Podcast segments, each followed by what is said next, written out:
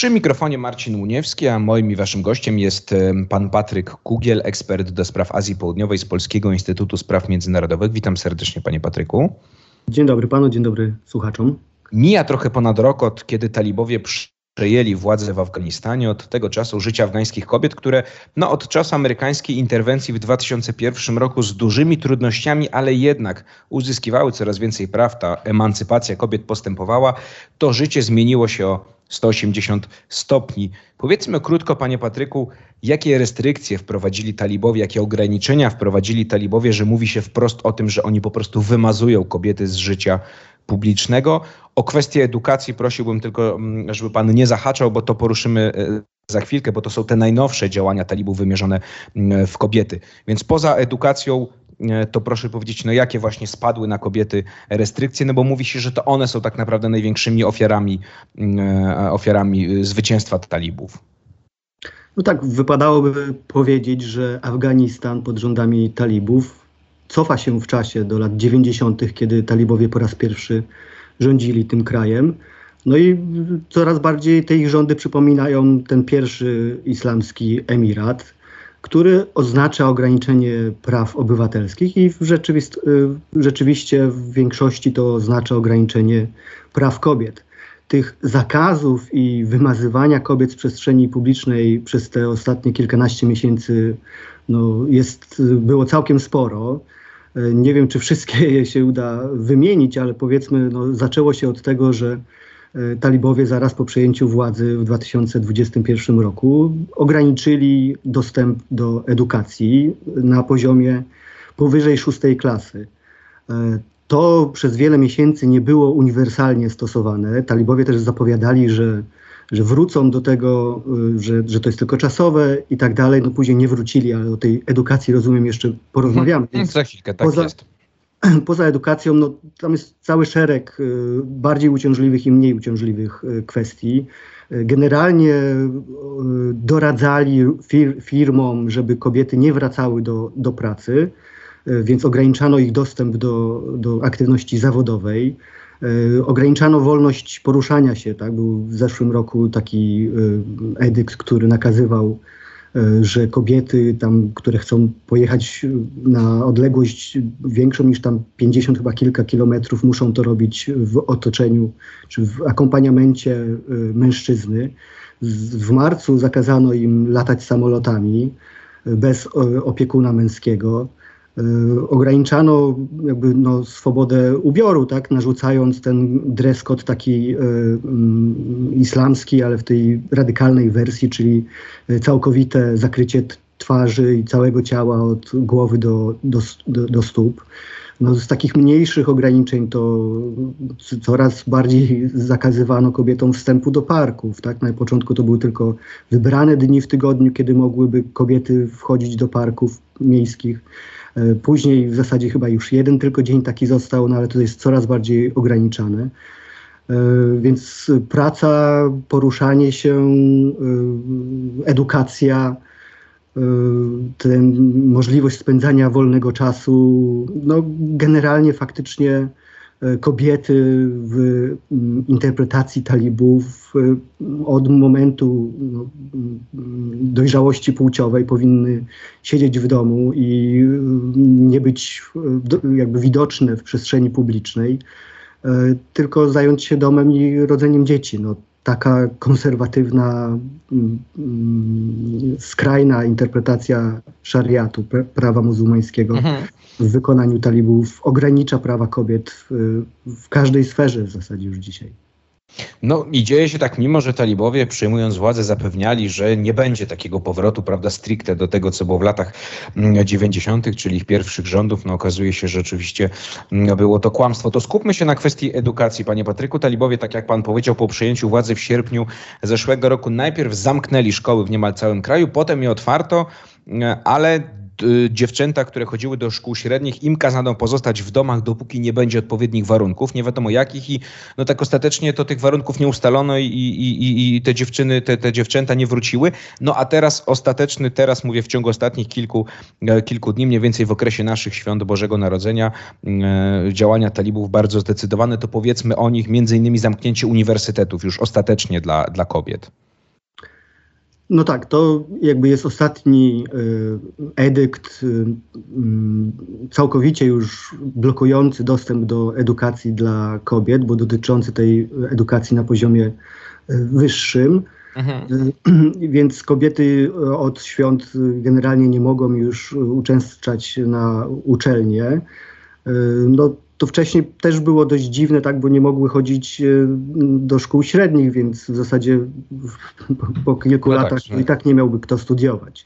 Tak, bo kluczowa decyzja tutaj w podejściu talibów do edukacji zapadła w marcu tego roku, kiedy na spotkaniu rządu i tego rządu też w Kandaharze, tak, tych, tych liderów religijnych. Mhm. E, taki trzydniowy był zjazd, który miał wtedy ogłosić powrót dziewczynek do e, szkół średnich, no ale to się nie wydarzyło i od tamtego czasu talibowie zaostrzali tą swoją politykę ograniczania dostępu do edukacji. Coraz bardziej to wprowadzano w całym kraju, bo, bo wcześniej były różne dystrykty, gdzie ta, lokalni talibowie wspierali edukację, więc to nie było takie powszechny zakaz dostępu do edukacji średniej dla, dla dziewcząt, no to się przez ostatni rok y, zaostrzało. Na ten zakaz uczęszczania na uczelnię jest y, potwierdzeniem tego, tego trendu i pokazem radykalizacji e, talibów. Jako przyczynę podano to, że, że ponoć kobiety w Afganistanie nie stosowały się do tego dress code'u, tak, do tych ograniczeń y, dotyczących ubioru. Po pierwsze, a po drugie, że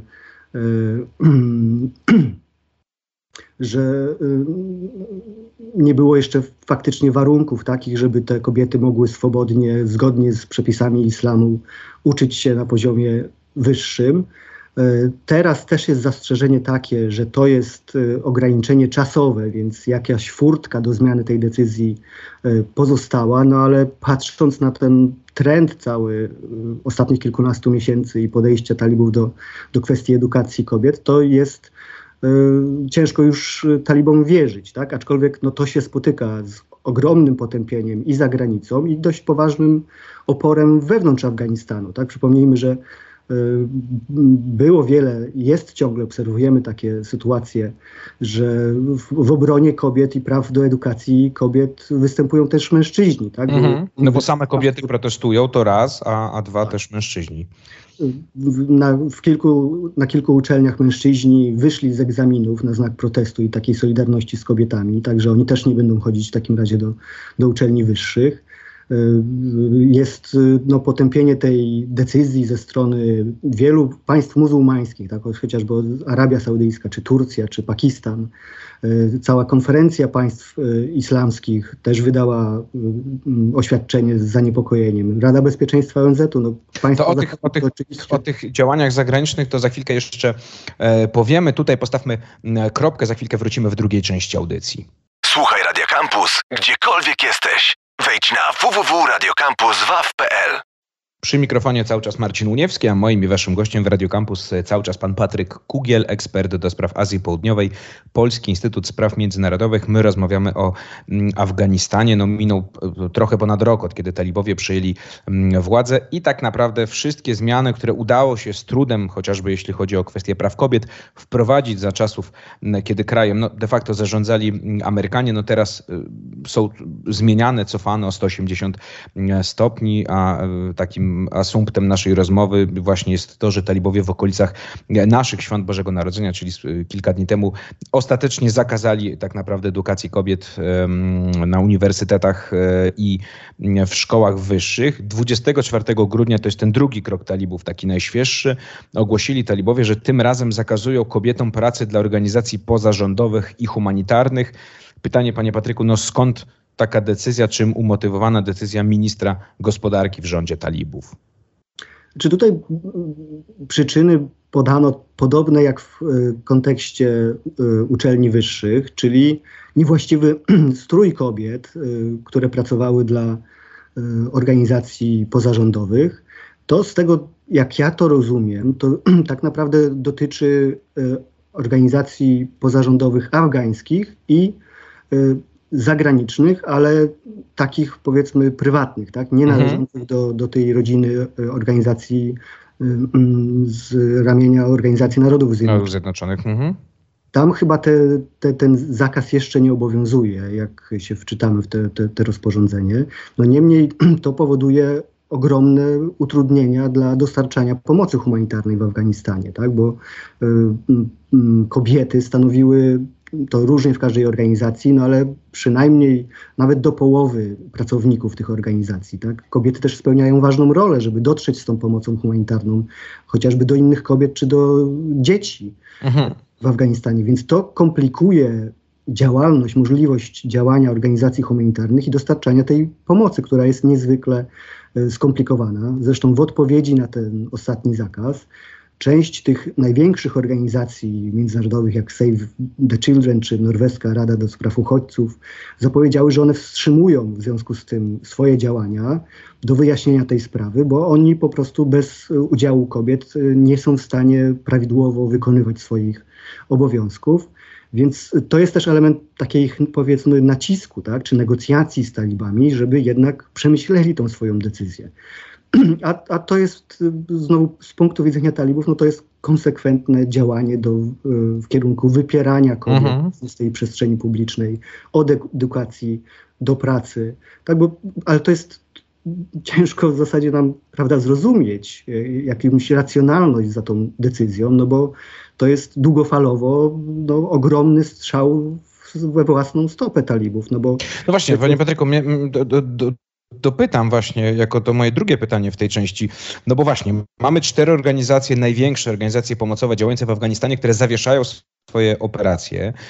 Mamy potępienie, tak jak pan powiedział, z różnych stron. Rada Bezpieczeństwa ONZ ogłosiła, że zakaz uczęszczania do szkół i, i uderza w swobodę obywatelskie. Wysoki komisarz do spraw praw człowieka podkreślił, no, że żaden kraj nie może funkcjonować, gdy połowa populacji jest tak naprawdę wykluczona, czyli jest po prostu nie istnieje dla, e, dla, dla władz. No i wciąż mamy zamrożoną pomoc dla, dla i fundusze, które, które e, należały do poprzedniego rządu Afganistanu, czy do Afgańczyków tak naprawdę, które są ciągle zamrożone.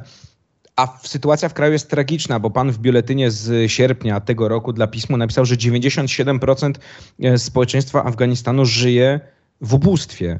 Mm, e, no więc właśnie, czy to nie jest, rozwijając pana myśl i dopytam pana, czy to nie jest po prostu strzelanie sobie w stopę i jakby przedłużanie braku pomocy ze strony zagranicy i głodzenie własnych obywateli tak naprawdę? No to jest trochę taka rozgrywka talibów ze światem zachodnim, tak? Jakby to jest element chyba presji też e, na świat zachodni, tak? Bo talibowie domagają się ciągle uznania międzynarodowego i odblokowania tych funduszy oraz uruchomienia no, normalnych programów pomocy rozwojowej i humanitarnej. E, nie mają zbyt wielu argumentów na poparcie swoich e, e, żądań, więc trochę stosują taki, taki fortel, że jako zakładników trzymają te społeczeństwo i grają tymi prawami kobiet, chyba jakby zupełnie błędnie oczywiście, tak? bo to raczej powoduje jeszcze mniejsze szanse na mhm. uznanie międzynarodowe, tak? no ale talibowie wielu kart nie mają, a jednocześnie Wydaje się, że ideologicznie pozostają jednak, e, mimo pewnych nadziei na to, że się jednak zmienili przez ostatnie 20 lat, no pozostają e, w takim przeświadczeniu bardzo konserwatywnym, bardzo radykalnej interpretacji islamu. Oczywiście talibowie to jest też ruch bardzo zróżnicowany. To za chwilę, panie Patryku, o tym. Dobra, bo właśnie dopytam pana za chwilkę. Za chwilkę jeszcze o te różnice, które mają się pojawiać rzekomo to ja tutaj bym do, dodał to, że no, coraz bardziej y, ta sytuacja w Afganistanie przypomina ten scenariusz z lat 90. I to nie tylko w tym zakresie, jak talibowie są podobni, tak, i jakie podobne mhm. rządy wprowadzają. Zresztą to zapowiadali przez ostatnie 20 lat, że oni walczą o to, żeby wprowadzić z powrotem Islamski Emirat Afganistanu. Ale podobieństwa też wynikają z postawy społeczności międzynarodowej i tego, co świat może zrobić. Bo tu się przypominają lata 90., tak? Jakby talibowie pod koniec y, swoich rządów w tamtym okresie, no też wykonywali coraz bardziej radykalne kroki, tak? Jakby od ograniczania praw kobiet zaczynali, no ale później pamiętamy wysadzanie posągów Buddy. Y, przecież był zakaz w ogóle działalności organizacji humanitarnych w latach, na początku XXI wieku. I to miało w tamtym momencie też służyć temu, żeby wywrzeć presję na świat zewnętrzny, na społeczność międzynarodową, żeby w końcu uznać ich. I wtedy to doprowadziło do tego, że no, no doszło do interwencji y, mhm. w Afganistanie. Tak? Więc dzisiaj y, wydaje się, że no, żadna ze stron chyba nie wyciągnęła dobrych lekcji z, tam, z tamtego okresu, bo talibowie są tak radykalni jak wtedy i niczego się nie nauczyli. No ale też świat zachodni nie ma tak naprawdę dobrych narzędzi na to, żeby wpłynąć jakoś na zachowanie talibów. Bo chociażby sekretarz stanu Stanów Zjednoczonych, Antony Blinken, no, groził jakimiś kosztami, tak, że, że, jakie spowodują działania talibów. No ale dzisiaj tak naprawdę Zachód ma niewiele możliwości wpływania na talibów. No tak, a drugiej interwencji już nikt nie zrobi. Dokładnie, więc jeżeli byśmy dostarczali na przykład y, większej pomocy rozwojowej przez ostatni rok, no to można by było grozić zatrzymaniem tego. E, natomiast jeżeli my jako Zachód dostarczamy pomocy humanitarnej, która ratuje życie ludzi, no to tą kartą bardzo trudno będzie nam grać, a innych kart w zasadzie nie mamy, no bo nie uznajemy ich e, ta, rządu talibów, prawda? Nie mamy powiązań gospodarczych. No tych mhm. i, i elementów wiążących nas z talibami, poprzez które świat zewnętrzny mógłby na nich wpływać, E, mamy niewiele, no i to będzie prowadziło do dalszej e, izolacji międzynarodowej, co, coraz głębszej tej izolacji e, i w zasadzie no, Afganistan pod rządami talibów będzie zmierzał w stronę Korei Północnej. Patryk Kugiel, ekspert do spraw Azji e, Południowej, Polski Instytut Spraw Międzynarodowych jest naszym gościem, a my rozmawiamy tylko, przypomnę, o Afganistanie. Ponad rok mija od, e, od upadku władz afgańskich i przyjęcia władzy przez talibów. Na talibowie, mimo zapowiedzi, różnych obietnic, że nie będą tak radykalni, jak byli w latach 90., kiedy rządzili, są tacy sami. O 180 stopni zmieniła się chociażby sytuacja kobiet które tak naprawdę no, są coraz bardziej wymazywane z życia publicznego. Dwie najświeższe rzeczy to jest zakaz edukacji, tak naprawdę ostateczny, no i zakaz e, pracy kobiet w organizacjach pozarządowych i humanitarnych. To są zakazy sprzed kilku dni. W mediach, panie Patryku, pojawiły się informacje, że ostatnie decyzje dotyczące kobiet, czyli właśnie edukacja i kwestia e, pracy dla organizacji pozarządowych, spowodowały wewnętrzny rozłam wśród e, no i tak już podzielonych talibów. Teraz pytanie moje do pana jest takie, czy rzeczywiście istnieje jakaś bardziej, i to w ogromny cudzysłów biorę, liberalna część, jak piszą media, młodsza część, młodsza wiekiem, mm, część czy grupa talibów, czy, czy, to, są, czy to jest nieprawda? Myślę, że jak w każdej dużej grupie społecznej, tam te podziały istnieją. Tylko jakby no my mamy z jednej strony mały dostęp do tego, żeby zobaczyć, jak e, talibowie wyglądają od środka, że tak mhm. powiem. E, niewiele na ten temat wiemy, zwłaszcza na temat tego przywództwa, które jest e, tych mułów, liderów duchowych, którzy siedzą w Kandaharze. Przecież my nawet nie widzieliśmy zdjęcia emira Afganistanu. Nie wiemy, czy żyje, bo niektórzy twierdzą, że nie żyje już od dawna. Ale więc my te podziały widzimy gdzieś na prowincjach, tak? jakby w różnych regionach kraju, gdzie widać, że lokalni przywódcy i członkowie talibów no, nie do końca wspierają te wszystkie zakazy dotyczące praw kobiet, tak? bo to dotyczy przecież ich córek. Mhm. Więc y, dlatego też przez ostatni rok, nawet jeżeli był ten odgórny, taki dwuznaczny, co prawda, ale jednak zakaz edukacji dla dziewcząt, to były dystrykty czy, czy, czy wioski, gdzie lokalni talibowie po prostu chcieli, żeby ich córki chodziły do, do szkoły podstawowej, a później do średniej, więc te szkoły w niektórych częściach Afganistanu y, działały. Ta śruba jest dokręcana z uwagi na presję z góry, tak? właśnie tego y, konserwatywnego skrzydła, które w ostatnich miesiącach właśnie coraz większy zyskuje wpływ na zarządzanie państwem i ta ich skrajna ideologia kłóci się z jakąś racjonalnością Y, takich normalnych, szeregowych talibów. Tak? Więc te napięcia wewnętrzne są w samych wśród samych talibów, no ale też w społeczeństwie afgańskim. Te zakazy dotyczące praw dziewczynek do edukacji nie są powszechnie akceptowalne. Tak? Jakby one, one wywołują protesty, bo to widzimy i podczas właśnie tych jakichś pojedynczych, ale jednak dość bohaterskich protestów i kobiet, do których dołączają się często mężczyźni. Mamy całą serię profesorów czy wykładowców na uczelniach, którzy w akcie takiej solidarności właśnie składają rezygnację tak, i mówią, że oni w takim razie w takim systemie nie będą brali udziału. Więc buduje się coś na wzór jakiegoś takiego no, ruchu społecznego nieposłuszeństwa obywatelskiego. Oczywiście ciężko o tym mówić w Afganistanie, gdzie no, rządzi się, talibowie rządzą w dużej mierze za pomocą terroru. No ale tak się mówiło też rok temu, prawda? Ja też tak uważałem, że, że nawet jeżeli talibowie się nie zmienili, jeżeli oni nie są tak e, liberalni, no to przez te 20 lat zmieniło się afgańskie społeczeństwo. I to mhm. społeczeństwo będzie trudniej y, zagonić z powrotem do y, średniowiecza, tak? do tego systemu, jaki talibowie wdrażali. Właśnie, panie Patryku, to ostatnie moje pytanie, no bo skoro nic się nie tak rozumiem, tak, że to dąży wszystko w stronę no właśnie pełnej izolacji mm, Afganistanu, czy takiej właśnie y, postępujące, to postępuje w stronę Korei Północnej, no bo ani za Zachód się nie ugnie, ani talibowie się nie ugną, a, a przypomnijmy, 97% mieszkańców mm, Afganistanu z, z powodów wojny, przecież tyle lat trwającej, żyje mm, w, w ubóstwie, to czy jest jakaś szansa no właśnie na, na wewnętrzny opór? Po pierwsze jakieś protesty, czy to może wpłynąć na talibów, a po drugie opór zbrojny. No mamy cały czas, y, mamy cały czas y, wierne rządowi, temu poprzedniemu rządowi jednostki w Dolinie Panshiru, tej słynnej dolinie, y, gdzie, gdzie jeszcze mujahedini bronili się przed wojskami radzieckimi. No tylko pytanie, czy właśnie, czy to są siły, które w jakikolwiek sposób mogą wpłynąć na, na, na władzę talibów?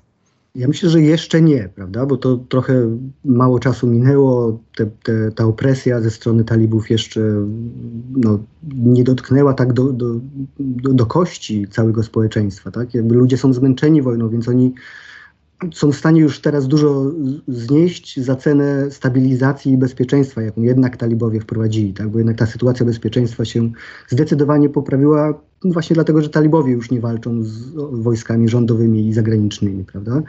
Więc a, natomiast jeżeli talibowie będą dalej brnęli w tym kierunku, to wydaje mi się, że oni będą sami prowokowali rosnący opór społeczny, i rosnący opór zbrojny, więc oni tym terrorem sami sobie spowodują e, problemy. Mamy właśnie ten Narodowy Front Oporu e, Ahmada Szaha Masuda, który jeździ po świecie, prawda, i apeluje o pomoc międzynarodową. On też mówi, że te siły Narodowego Frontu, Frontu Oporu rosną w siłę, także już nie są tylko w Dolinie Panjshiru, ale zaczynają działania w innych prowincjach Afganistanu, że dołączają się do nich nowi e, bojownicy, że ich siła wzrosła z 500 żołnierzy w zeszłym roku do ponad 5 tysięcy. No to są przynajmniej jego e, mhm. słowa i zapewnienia, więc wydaje się, że e, ta zmiana w Afganistanie może przyjść tylko z wewnątrz społeczeństwa afgańskiego. E, ona będzie przybierała pewnie formy takiego cichego oporu, tak? jakby braku współpracy z władzami, tak? E, rzucania właśnie pracy na uczelniach czy w służbie zdrowia tak? i takiej wewnętrznej e, emigracji, a może czasem zewnętrznej emigracji. Tak? Te liberalne osoby, które coraz mniej wierzą, że tam w Afganistanie jeszcze może być normalnie, pewnie mogą e, szukać możliwości wyjazdu z tego kraju, a inni będą dołączali do tych ruchów e, zbrojnej opozycji, więc mhm. E, ta, ten opór wewnętrzny wydaje mi się i pokojowy, i zbrojny będzie w najbliższych latach narastał, jeżeli talibowie nie wezmą pod uwagę tego, że te zakazy dotyczące na przykład kobiet no, nie podobają się w Afganistanie i nie służą temu państwu, tak? bo chociażby zastanówmy się, no, jeżeli na uczelniach nawet nie będą studiowały kobiety, na uczelniach medycznych, no to kto ma później uczyć, e, leczyć inne kobiety, prawda? No tak. Y, zgodnie z prawem szari szariatu, no to musi być kobieta lekarz, żeby kobieta. leczyć inne kobiety. Tu, tak? panie Patryku, musimy już postawić, e, postawić kropkę. Mm, Patryk Kugiel, ekspert do spraw Azji Południowej z Polskiego Instytutu Spraw Międzynarodowych był moim i waszym gościem. Bardzo dziękuję panie Patryku za rozmowę. Dziękuję bardzo. Sytuacji oczywiście będziemy się przyglądali cały czas w Afganistanie mm, w Róży Wiatrów. E, kolejne Róże Wiatrów już w nowym roku, więc i panu, panie Patryku, i słuchaczom również wszystkiego dobrego z tym mm, nowym, e, nowym rokiem. Dołączam się do życzeń i wszystkiego dobrego. Wszystkiego dobrego, ja się nazywam Marcin Uniewski, to była Róża Wiatrów i tak jak mówię, w nowym roku już się słyszymy.